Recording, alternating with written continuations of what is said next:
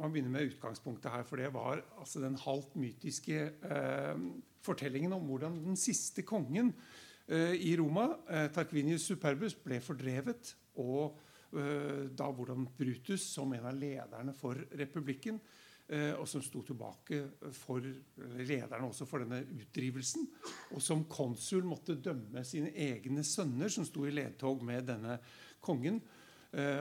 Og da for å ha konspirert mot republikken. Eh, så, så, dette er liksom åpningen. Republikken innføres i Roma i 509 etter eh, legenden, får vi kunne si.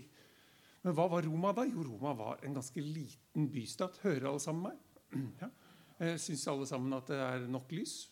Det er lys der. Jeg trenger ikke å være belyst, jeg heller. Nei, fint. Roma var altså en liten bystat på, på den tiden. Eh, og det skulle den fortsette å være i si, ca. 250 år. Med litt sånn småkrangling mot uh, naboene sine. og som dere ser her, Det var en atskillig større rike og imperium som, som, var noe av det viktigste i antikken på den tida. Det var når Aleksander hadde overtatt det store persiske riket og gjort det enda større. Så borti her driver Roma og roter. Eh, i sitt naboområde i Latium. Og der er det de eh, etter hvert får en maktposisjon i dette lille området og begynner å etablere seg og utvide seg i eh, Italia. Og sånn går det i 250 år. Interne krangler og litt av hvert. Og så begynner ting å skje. Og de neste 250 årene av denne republikken så er det altså romerne som skaffer seg et imperium. Eh, og blir et, eh, et, stort rike, med utgangspunkt i Roma og Italia. Så kan vi spørre oss hvordan i all verden kunne dette skje? Jo, det skjer jo også takket være militarisme og et krigerideal. For romerne hadde både evne og vilje til å erobre. De var ikke redd for å inkludere stadig nye i borgermassen, for borgerretten likevel så, var likevel ikke så omfattende i Roma. hadde ikke så mye betydning der. Eh, og Det var derfor heller ikke noe problem for romerne å stable på plass stadig nye hærer. Så de hadde altså både en evne og vilje til militarisering uh, som, som, gradvis kom. Og etter hvert så ser vi altså romerne som en militær maskin, mer eller mindre. Bygd på disiplin og hardt arbeid, men også på at de alliertes bidrag Etter hvert som romerne ekspanderte, så fikk de såkalte forbundsfeller mer eller mindre undersåtter under Roma som eh, skulle bidra militært. Og det var ofte ikke sånn at de måtte betale skatter eller andre ting, men de skulle stille opp militært for Roma. Og det eh, gjorde at man fikk en ekspansiv politikk også på den måten. Men romerne viste seg at de var veldig fleksible, de var pragmatiske, og de var også tradisjonalistiske i det forstand at de holdt på det som alltid hadde fungert, og romernes gamle konstitusjon. Men eh, så kan man spørre seg eh, var dette en tilfeldig ekspansjon. Den gikk jo veldig stykkevis og delt, og det tok lang tid eh, osv. Eller var den planlagt og, og, på en måte en slags del av en militær eh, statlig logikk? Det er en historiker som heter Polybios, som kom i, til Roma nærmest som et gissel, og som da som var en relativt ung mann fra en, en familie som hadde gjort litt eh, opprør borte i Hellas. Så han ble plassert eh, som tradisjon var i ganske mange førmoderne samfunn. At man da tok de yngre familiemedlemmene som på en måte gisler eller gjestevenner med seg tilbake og måtte bo hos, hos familiene til de styrende i, i det andre eh, landet. Og det, sånn var det her. Han kom til den rike og, og store Scipio-familien og ble måte, inkludert i romersk ideologi og romersk eh, retorikk og romersk politikk. Og Han skriver et historieverk for å forklare Roma for grekerne. Og Der skriver han at det var ikke en tilfeldighet eller uten at de visste hva de gjorde, når romerne resolutt etterstrebet verdensherredømme og lykkes med det. Så skriver han selvfølgelig i, i ettertid. Han skriver sånn ca. 130 før vår tidsregning. Så da var romerne allerede blitt en stor makt. Så kan, det er ikke sikkert at vi skal eh, legge altfor mye eh, i Polyb, at han rasjonaliserer litt i ettertid. Eh, men det er altså ingen tvil om at eh, vi står overfor en romersk imperialisme. For romerne var blant de aller mest krigerske folkeslagene i antikken. Eh, og det var ganske mange av dem. Eh, mange vil kanskje si at Sparta er den mest ledende sånn, militærideologiske staten i antikken. Men romerne hadde dette som sin, eh, si, sin god nummer to i denne verden av eh, militære makter. Eh, hvis vi skal bruke sosiologen Schumpeters ord, så, så, kan man kanskje kalle også eh, denne romerske perioden som, som altså Roma som en slags krigsmaskin. Men det er klart at den type militær imperialisme må ikke nødvendigvis være rasjonell eller planmessig. Eh, og det var jo også dessuten sånn at for romernes del så, så var eh, det å annektere fremmede områder og dermed også måtte sørge for å på en måte etablere dem som, med, med stående militære hærstyrker og administrasjon, det var jo kostbart. Så som andre også seinere imperialister har lært, så holder det jo noen ganger bare med å ha en hegemonisk makt og sørge for at undersåttene gjør som man selv vil. Eh, kanskje noe av det Kai var innom, om vi skulle underlegge oss USA eller Russland i en nåværende situasjon. At det alltid vil være en sånn storebror som, som kan utnytte, eller som eh, mer eller mindre bevisst da beskytter. Og Det var jo også romernes ideologi, at de skulle beskytte alle sine sine venner. Hvis noen vendte seg til Roma og ba om hjelp, så stilte Roma opp og ga dem hjelp. Mot at de da ble romernes undersåtter etterpå, selvfølgelig. Det var ikke sånn at det var noe fritt valg etterpå, da. Ok. Men dette var jo også en republikk, som vi var innom. Og det er noen viktige punkter med en republikk som gjør at, at vi kan eh, skjønne og se at dette her ikke var en eneveldig eller en, en, en diktatormakt, eller en, eh, eh, at det var et, et, militært system i og for seg som, som sørger for denne ekspansjonen. Roma var en, eh, en, republikk hvor folkeforsamlingen hadde en stor grad av innflytelse. Det var de som måtte eh, vedta, fatte alle beslutninger og lover og vedtak, men også om man skulle gå til krig eller ikke. Romerne hadde flere folkeforsamlinger til og med. Men var også, eh, folkeforsamlingen var også de som valgte embetsmenn. Og embetsmennene i Roma var da valgt for ett år av gangen. Eh, og her var det en, en politisk og, og si, økonomisk elite. Eh, men man kunne ikke ha et gjenvalg til disse embetene. Eh, men de skulle altså utføre disse vedtakene, og de skulle utøve en militær kommando. Noen embeter med imperium, som romerne kalte det, eh, de fikk altså en militær kommando og kunne utskrive en hær og føre krig på romernes vegne. Den eh, myndigheten hadde de fått av folkeforsamlingen. Så søkte de råd opp til Senatet, som da er dette organet for tidligere embetsmenn, der eh, medlemmene satt på livstid og var en rådgivende organ.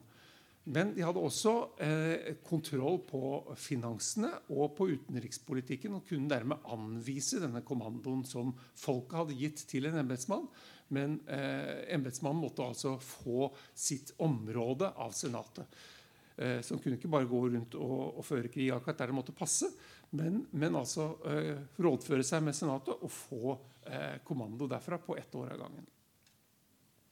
Og denne litt underlige eh, republikanske sammenblandingen her er det også vår mann Polybios beskriver for grekerne. Og han sier at dette er altså da en ideell blanding av tre styreformer. For den antikke eh, politiske tenkningen var gjerne sånn at det gikk mellom monarkiet, oligarkiet og demokratiet. Og sånn gikk det en evig runddans før Platon fant ut at eh, det beste var vel egentlig om filosofene styrte. Så da var det den syvende måte, varianten av eh, avarter av, av, dette her. Men, men eh, dette var en del av den si, politiske diskursen i antikken, var disse tre variantene. Men eh, Polybios sier at her var det altså en ideell blanding i Roma som gjorde dem veldig velegnet som, eh, som et politisk system. Eh, det var altså at man hadde Gjennom disse valgte embetsmennene så bevarte man noe av det monarkiske, fordi at dette var fra de fremste slektene. Og de hadde veldig vide fullmakter sin, eh, fra, eh, som de var tildelt. Så sier han også oligarkiet var representert her gjennom dette rådgivende organet, Senatet, som da eh, besto av tidligere embetsmenn. Så her har man også de, de, de, beste blant oss. Og demokratiet da gjennom folkeforsamlingene som eh, både valgte embetsmenn og som fattet eh, både enkeltbeslutninger og, og eh, lovvedtak. Så de fleste moderne eh, mennesker og historikere som har sett på dette, har vel kanskje kommet fram til en konklusjon at det neppe var en ideell blanding.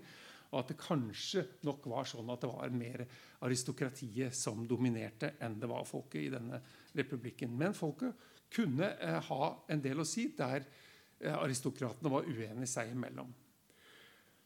Men eh, det er altså en, en, republikk med en sterk sosial lagdeling, eh, med personlig bånd, og som var tufta på mange av de samme prinsippene som si, det gamle norske ettersamfunnet hvor man hadde en, en ganske sterk sånn patron-klient-struktur.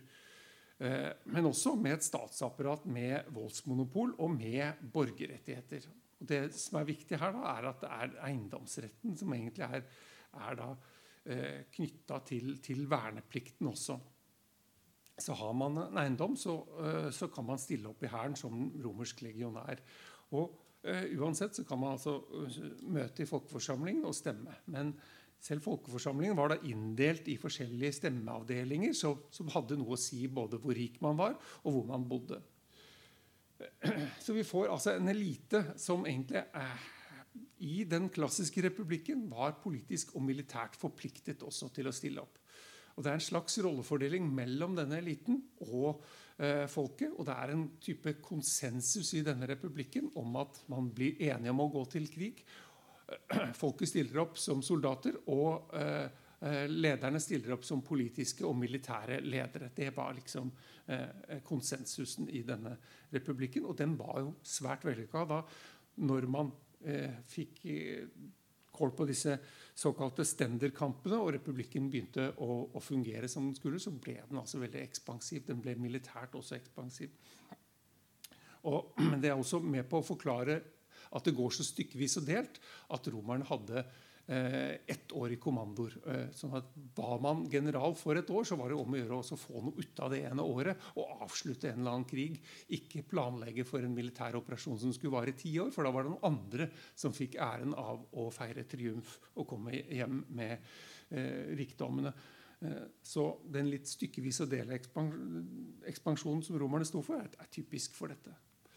Men Det vi altså ser da, er eh, noen eh, konsekvenser av denne ekspansjonen, nemlig at vi har disse langvarige krigene. Det fører til at romerne får inn både skatt og krigsbytte. Men eh, det fordeles ikke likt i Roma. Så det er eliten som blir uforholdsmessig mye rikere pga. dette. Vi får også da en nedgang i småbruk rundt omkring i Italia en slags proletarisering av folket. Enten da at de trekker inn til byene og begynner å jobbe som kroppsarbeidere, eller at man får, eh, gradvis også får en, en yrkeshær, og at folk blir lenger borte fra markene sine som soldater over flere sesonger. Når man har legionærer. Så En følge av dette er storgodsdannelser rundt omkring i Italia. Det er en urbanisering, særlig med Urbs, den store byen Roma. Eh, og det er borgerrettsutvidelse eh, til stadig nye grupper som, som da romerne trenger, eller som blir en del av, av romerske, den, romerske republikken. Men det fører også til flere konkurrenter om disse politiske eh, embetsfunksjonene og om makten. Det blir en dyrere konkurranse. Folk bruker mye mer og mer på si, en valgkamp eller det å gjøre seg populære for, for folket som skal stemme. Og, og da også regelrett korrupsjon. Eh, at man kjøper seg stemmer eller venner osv. Resultatet av dette ble sosial uro. Det ble en maktkonsentrasjon om noen veldig rike og mektige slekter. Det ble dermed en mye større rivalisering internt i republikken mellom disse elitegruppene. Og et konsensusbrudd med, med dette med folket, hvem som skulle stille opp, og hvem som skulle gjøre hva og en ytterligere militarisering av samfunnet.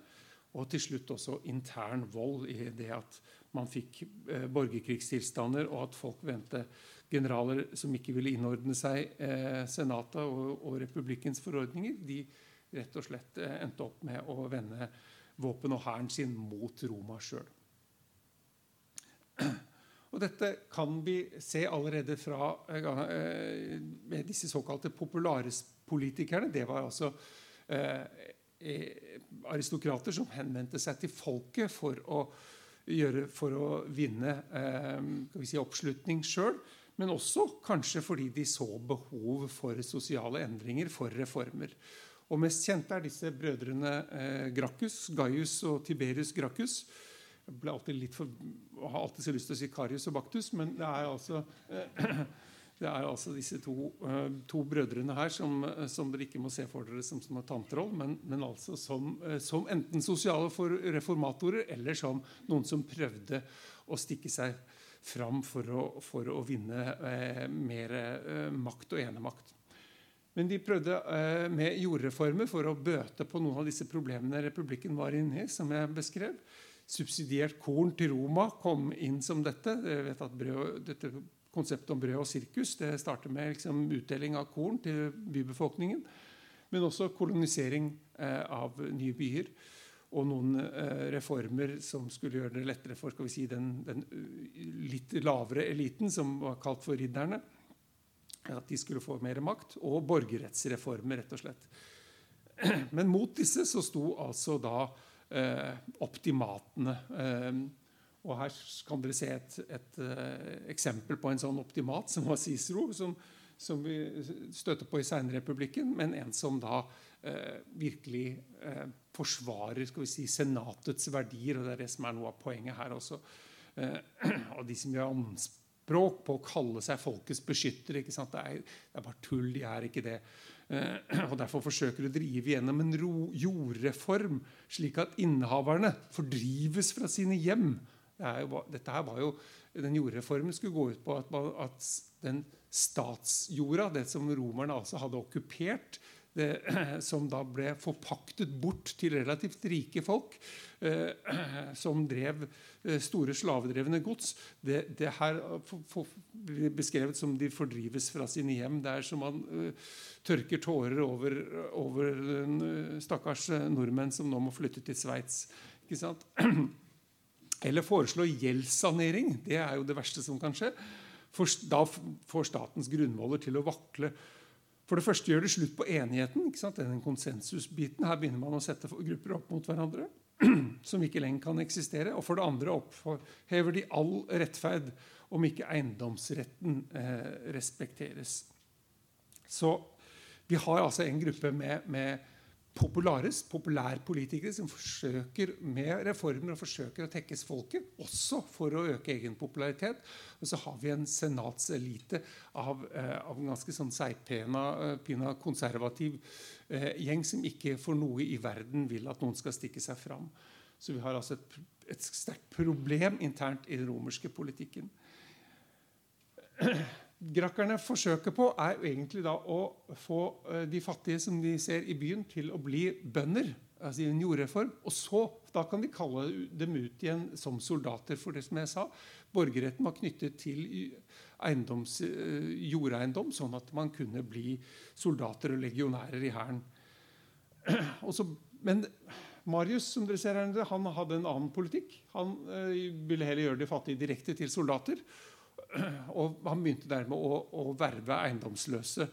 Eh, som da eh, Han i ettertid, eh, etter at de hadde vært eh, yrkessoldater en god stund, skulle prøve å sikre jord til. Så hans politikk ble dermed eh, på en måte en motsatt reformpolitikk.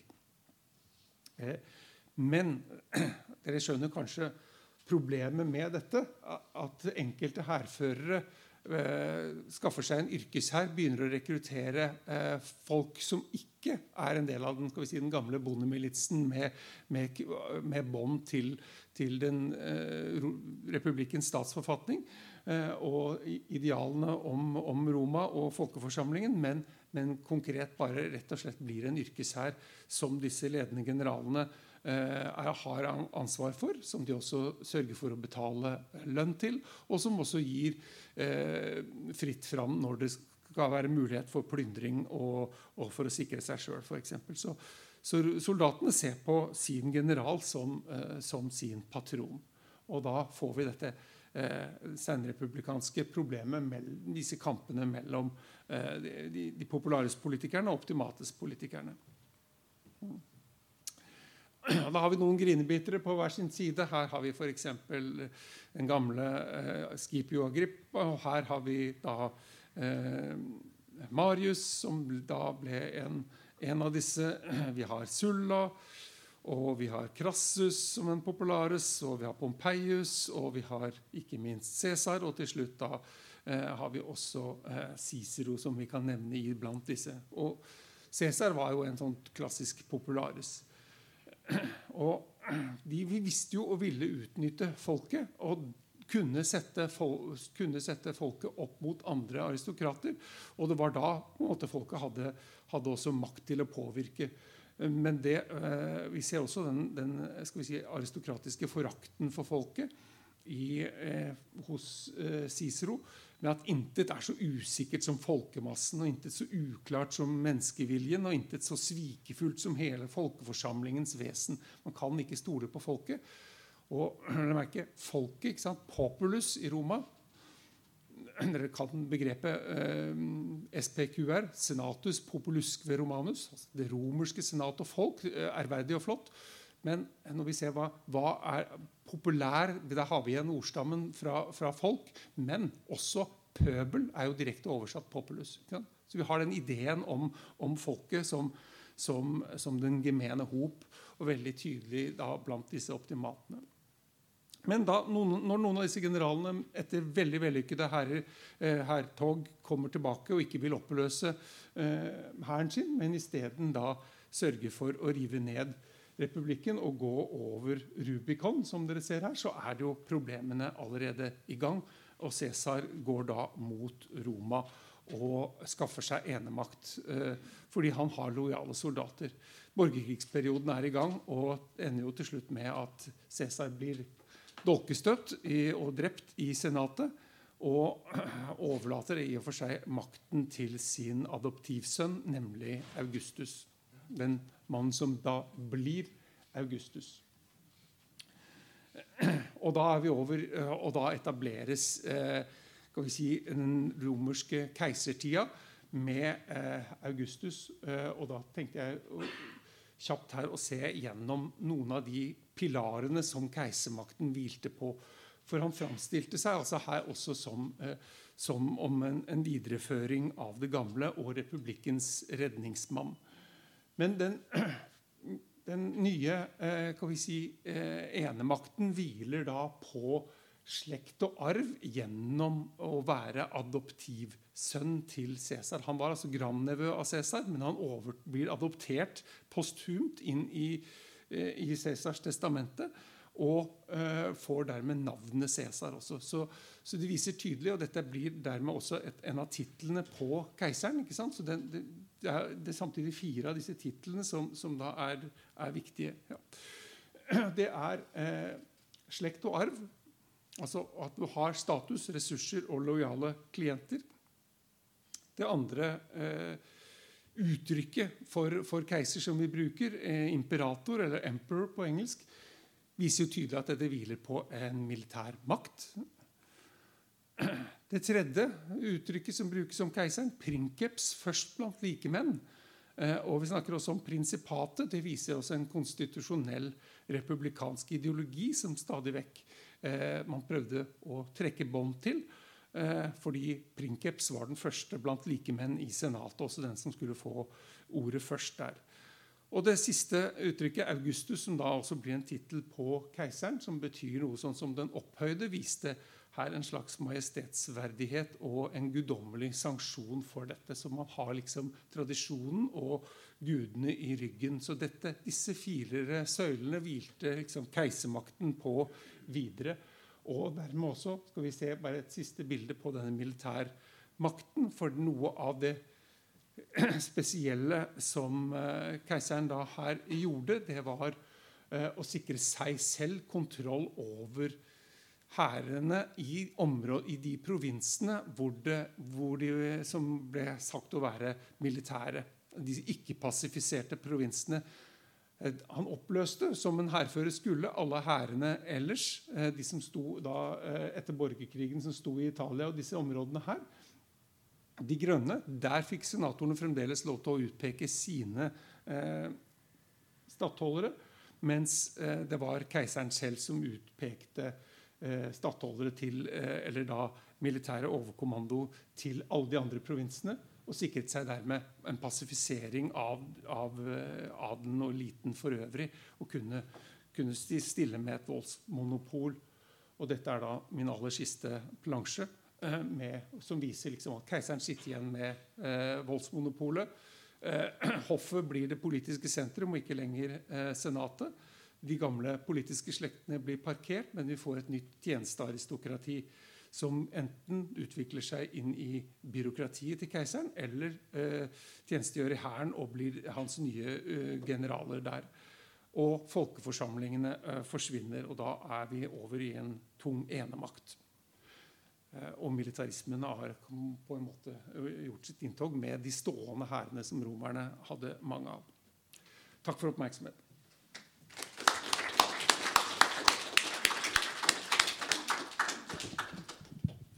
Tusen takk, Jon. Eh, kjempefint å få lagt dette grunnlaget. Eh, det er tid til noen korte spørsmål. Da vil jeg gjerne at folk kommer fram her. Hvis de har det. Ingen som har det etter dette. Alt var klart. Men altså et sånn etymologisk spørsmål, for det var veldig fin den oversikten med, altså, som knytter sammen autoritær makt, keiser, tsar, med militær makt, emperor, imperium. Og så var den tredje var jo prinseps, ordet prince. Altså fyrste er vel derfra også. Ja. Men er på en måte en tilsnikelse, da, for det er jo en autoritær makt også. Det har jo ikke noe å gjøre med liksom en republikansk eh, forståelse i, eh, i, nei, i, moderne tid. Nei, det er jo en utvikling av, av bare ordet, ja. eh, som jo betyr den første. Altså Det er jo fyrste, vårt begrep i fyrste. Ja. Og, Samme og, som i, i uh, Il Duce. Mm. Ja, Det er dux, da. Det kommer av, av nok en, en, latinsk betegnelse som er fører. Mm. Som også en, kunne være en hærfører, men det var ikke en militær Eh, det var ikke et militært eh, begrep, buks som sådan, men det var mer en fører, en leder. Mm. Så ja, dette, henger, det henger med oss, eh, mange av disse tingene. Men fyrste er jo da den, den, den fyrste blant likemenn. Vi kan kanskje ikke si det. Men det ligger liksom litt i, i den, den, den si, republikanske prinsippet at man, at man, også her kunne dele inn. Men det var den mannen som skulle få lov til å føre ordet først i Senatet, som var liksom den ærverdige eh, best, mest ærverdige senatoren, om vi, om vi, kan si det sånn. Nancy Pelosi i denne, for de av dere som, eller Mick McCarthy for de av dere som er her på de andre. Ja. Var, var, det et spørsmål her? Ja. Vi må bare si at vi gjør opptak av dette seminaret. Eh, det blir lagt ut på vår YouTube-kanal. Så de som ikke ønsker å komme på vår sterkt besøkte YouTube-kanal, de, de, må holde seg i ro. Men vær så god. Ja, jeg, bare kjenner til litt Sparta også. Det er jo ganske annerledes form for militarisme enn den du beskriver fra romertiden. For Sparta var jo gjennommilitarisert på en helt annen måte, var det ikke det, enn det du beskriver her. Det var liksom en hær hvorfra man helt fra man var bitte liten ble drillet både mann og kvinne til å bli soldater og herføre. Ja. Så ja. det er store forskjeller her? er Det ikke det? er store forskjeller, og eh, det som skal vi si, gjorde at Sparta aldri kunne bli noen imperiemakt, var jo at de, at de hadde en veldig eksklusiv uh, borgerrett som var knytta til det. Så det var bare utvalgte borgere i den rette konstitusjon og størrelse og styrke som kunne bli en del av dette hærfellesskapet. Så, som gjorde at de også måtte undertrykke alle andre. Hadde mer enn nok med heloter og, og, sånt noe internt i Sparta til å kunne bli noen stor imperiemakt. For de ville ikke inkludere andre, mens romerne mye mer pragmatiske, mye mer eh, lettvinte med, med, med, dette. Da rekker vi et kort spørsmål til og et uh, kort svar. Uh, og så er det rikelig tid på slutten til spørsmål og diskusjon får være veldig kort, men uh, du peker jo på Cicero som på en måte en slags eh, elite her. Men han kommer jo fra middelklassen selv, fra ridderne. Uh, og det som han snakker om med at man ikke kan stole på folket, det jo, gjentar jo bare det som Sokrates og de andre sier på den måten. da, At folket må opplæres før de kan stoles på. Ja, eh, Å si at Cicero kom fra middelklassen, er kanskje å ta litt hardt i. Men er ridderstanden er jo øh, han, han var det, den første i sin familie som kom inn i Senatet. Men han ble jo en, en veldig ruvende skikkelse i Senatet, så han er en slags Kåre Willoch også. Men, men det er klart han han, eh, han var jo fra en mektig Likevel fra en, fra en overklasse. Men det er jo helt riktig at dette, eh, den forakten mot folket som romerne, eh, romerske politikere hadde, den, den stammer jo også fra den filosofiske diskusjonen ikke sant? Med, med Sokrates eh, og Platon og Aristoteles, som alle sammen innehar den samme tanken om at, at det er, det er aristokratiet, det er de beste som må styre. For det er de som kan det. Og, og så kan man lære opp, opp deler av folket selvfølgelig til å, til å bli bedre. Men de hadde ikke noe sånn voldsom tro på demokrati som, som sådan.